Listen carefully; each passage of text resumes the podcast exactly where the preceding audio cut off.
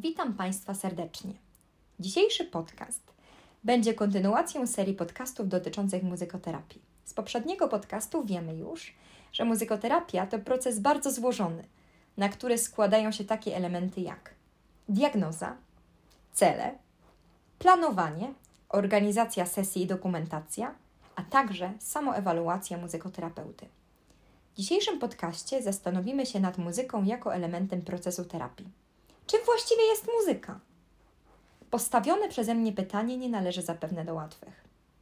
Każdy z nas ma swoją własną definicję muzyki. Muzyka daje nam możliwość obcowania z uniwersalną sztuką, ponieważ jest obecna wszędzie tam, gdzie są ludzie. Muzyka łączy ludzi z otaczającą ich rzeczywistością, czyli ze światem zewnętrznym, środowiskiem i kulturą. Zbliża ludzi. Warto zwrócić uwagę, że nie ogranicza się wyłącznie do tego, co jest na zewnątrz, ale także do tego, co związane jest z naszymi emocjami, doświadczeniami, wspomnieniami, czyli z naszym światem wewnętrznym. Pełni funkcję odprężającą, nadaje energię, zmienia nasze emocje i nastawienie, pobudza wyobraźnię, stymuluje rozwój poznawczy, a także może dawać siłę do walki i wspierać człowieka duchowo. Zatem muzyka działa na nasze emocje, ciało i umysł. Muzyka stwarza odbiorcy możliwość wyboru, jak głęboko zostanie przez człowieka dopuszczona. Może być emocjonalnie blisko lub daleko. Muzyka jest formą ekspresji, a także komunikacji. Nie potrzebuje żadnej formy interpretacji. By ją rozumieć, nie musimy nic wiedzieć na temat muzyki, a mimo wszystko na nią reagujemy, doświadczamy jej, czy jesteśmy pod jej oddziaływaniem. Muzyka jest bliska poezji i malarstwu, a także ma charakter polisemantyczny. Każdy człowiek, słuchając muzyki, słyszy coś innego. Pojmujemy tę sztukę przez pryzmat naszego własnego doświadczenia. Muzyka jest dziełem powstałym w procesie twórczym. Z punktu widzenia terapii, jest elementem dalszego poznania, by uświadomić sobie swoje własne wnętrze. Dzięki niezwykłym właściwościom, muzyka może być silnym narzędziem terapeutycznym, ponieważ jej siła tkwi elastyczności, mnogości stylów i gatunków, a także w polisemantyczności. Dociera do człowieka bez konieczności angażowania uwagi, w sposób pasywny, ale także może być kreowana. Może być wynikiem przeżyć, które zachodzą w trakcie sesji oraz w życiu danego wspomaganego. Muzyka jest swoistym kluczem zwalającym zmienione stany świadomości, wzbudza rezonans emocjonalny czy stymuluje nasze wyobrażenia. Ponadto może sprzyjać osłabieniu działania mechanizmów obronnych wspomaganego. Zatem może umożliwiać pełniejsze skłębienie się w jego wewnętrzny świat doświadczeń. Dzięki niej można uwolnić emocje i przeżycia, dostarczając ciągłości doświadczeń. Muzyka nadaje strukturę naszym doznaniom, jest inicjatorem, a także pełni funkcję wsparcia i mediatora głębokich przeżyć wewnętrznych, nie powodując skutków ubocznych i uzależnienia.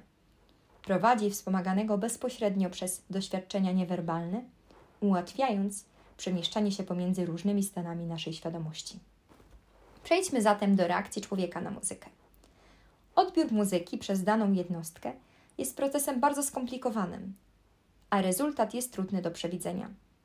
Percypowanie muzyki przez daną jednostkę nosi cechy działalności twórczej, co wynika z faktu, że każdy z nas określony dźwięk czy muzykę przetwarza na swój sposób.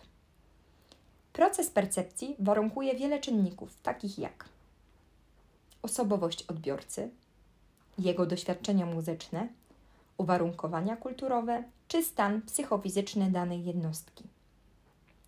Wiedza odnosząca się do czynników odgrywających rolę w odbiorze muzyki przez danego człowieka jest podstawą dla muzykoterapeuty ale nie daje możliwości przewidzenia reakcji wspomaganego na muzykę.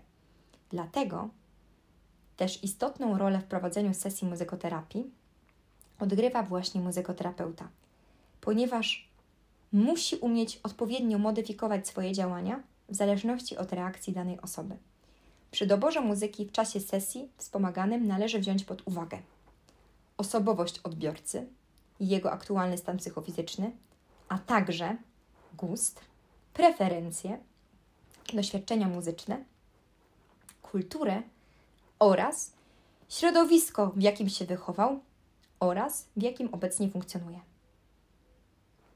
Należy jednak pamiętać, że pomimo znajomości wszystkich wspomnianych czynników, dobór muzyki może nie przynieść oczekiwanych przez nas rezultatów, ponieważ reakcja na daną muzykę może zostać zniekształcona przez skojarzenia, których nie jesteśmy w stanie przewidzieć.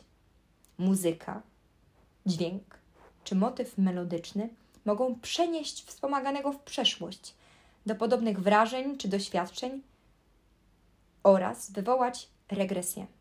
Skojarzenia są bardzo trudne do przewidzenia. Często wspomagany nie jest świadomy, że określona muzyka może wywołać w nim silne reakcje, dopóki tego nie doświadczy. Każdy muzykoterapeuta z praktyką w stosowaniu nagrań muzycznych doskonale wie, że mogą zdarzyć się nieoczekiwane sytuacje, gdy silne skojarzenie muzyki z danym wydarzeniem lub pewnym okresem w życiu wspomaganego może zupełnie przesłonić pozostałe czynniki. Dane skojarzenie może wywołać reakcje pozytywne lub negatywne. I obydwa jego kierunki muzykoterapeuta może wykorzystać. Pozytywne skojarzenia często używane są, by podnosić nastrój. Kojarzenie muzyki z przykrymi dla wspomaganego wydarzeniami może znaleźć zastosowanie przy przepracowaniu trudnych sytuacji.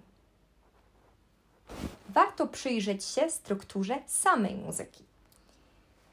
Muzyka zbudowana jest z kilku elementów, między innymi rytmu, melodii, harmonii, barwy oraz dynamiki.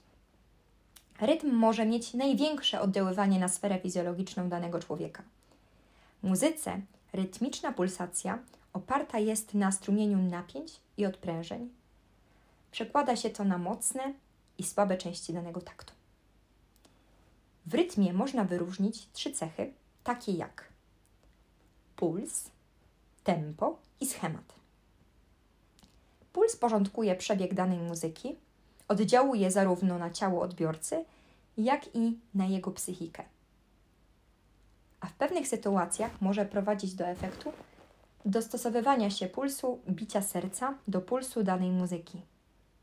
Zatem puls i tempo muzyki znajdują zastosowanie w muzykoterapii osób po uszkodzeniu mózgu, wypadku czy w wyniku udaru. Pomagają w utrzymywaniu tempa poruszania się czy organizowania w czasie ruchu. Schematy rytmiczne często wykorzystuje się w pracy nad rozwojem mowy. Mogą to być sylabizowanie, wyliczanki czy rytmizacja tekstu, a także w rehabilitacji mowy u osób z uszkodzeniami ośrodkowego układu nerwowego. Melodia to kolejny element w strukturze muzyki. Aby sekwencja dźwięków mogła zostać uznana za melodię, powinna posiadać bliskość, powtarzalność oraz finalność. Melodia składa się także z dźwięków o określonej wysokości, prozodii frazy, a także konturu. Percepcji melodii wyróżnia się czasem dwa niezależne od siebie poziomy. Kontur melodii, czyli kierunek ruchu sekwencji dźwięków oraz ciąg interwałów. Melodia składa się ze struktur wysokościowych i czasowych. Ponadto, bardziej niż rytm, odnosi się do naszych emocji. Przywołuje wspomnienia mocniej niż słowa. Często, słysząc już pierwsze takty danej melodii, pojawiają się w nas silne reakcje emocjonalne, doświadczane całym sobą, czyli w sposób holistyczny. Może ona nakreślać uczucia oraz emocje, a także je zmieniać. Melodia pomija kontrolę intelektualną i bezpośrednio angażuje podstawowe instynkty emocjonalne, trafia bezpośrednio do instynktu danej jednostki oraz jej intuicji. Przyjmuje się, że melodie w tonacji molowej odbierane są przez człowieka jako smutne czy sentymentalne, a w durowej jako pogodne. Natomiast to dość duże uproszczenie, ponieważ jak już wiemy na odbiór melodii, tak samo jak na odbiór muzyki, wpływ ma bardzo wiele czynników, które mogą powodować, że reakcja danej jednostki będzie zupełnie inna niż pozostałych na tą melodię. Natomiast jednym z ważniejszych czynników jest fakt kojarzenia melodii z danym wydarzeniem czy stanem emocjonalnym. Zjawisko to w muzykoterapii często wykorzystuje się w pracy z osobami, które cierpią na demencję czy chorobę Alzheimera. Kiedy znana im z młodości muzyka stymuluje wspomnienia, emocje i ruch. Chociaż stymulacja ta jest ograniczona zazwyczaj jedynie do czasu słuchania czy wykonywania danej muzyki, to może mieć wpływ na ogólny stan wspomaganego, pomagając mu osiągnąć homeostazę. Percepcja harmonii w muzyce wygląda podobnie do percepcji danej melodii, ale dochodzi tutaj dodatkowo konieczność rozpoznawania współbrzmień, a także relacji, które zachodzą między poszczególnymi akordami. Współbrzmienia te mogą być konsonansowe czy dysonansowe. Dysonansowe tworzą poczucie rytmu i energii, czasem napięcia oraz zawieszenia, dążą do rozładowywania wytworzonej energii. Natomiast konsonanse są rozwiązaniem, upustem energii. W harmonii, w przeciwieństwie do melodii czy barwy, mniejsza jest rola skojarzeń, chociaż nadal pozostaje ona obecna. Przejdźmy zatem do ostatniego zjawiska związanego z odbiorem muzyki, jakim jest synestezja. Synestezja jest stanem czy zdolnością, której doświadczenia jednego zmysłu, np. słuchu, wywołują równocześnie doświadczenia charakterystyczne dla naszych innych zmysłów, np. słyszenie różnych wysokości dźwięku oraz tonacji jako różnych kolorów. Mam nadzieję, że po wysłuchaniu tego krótkiego podcastu zmienicie swoje wyobrażenie o muzykoterapii. Bardzo dziękuję za uwagę i do usłyszenia w kolejnych podcastach.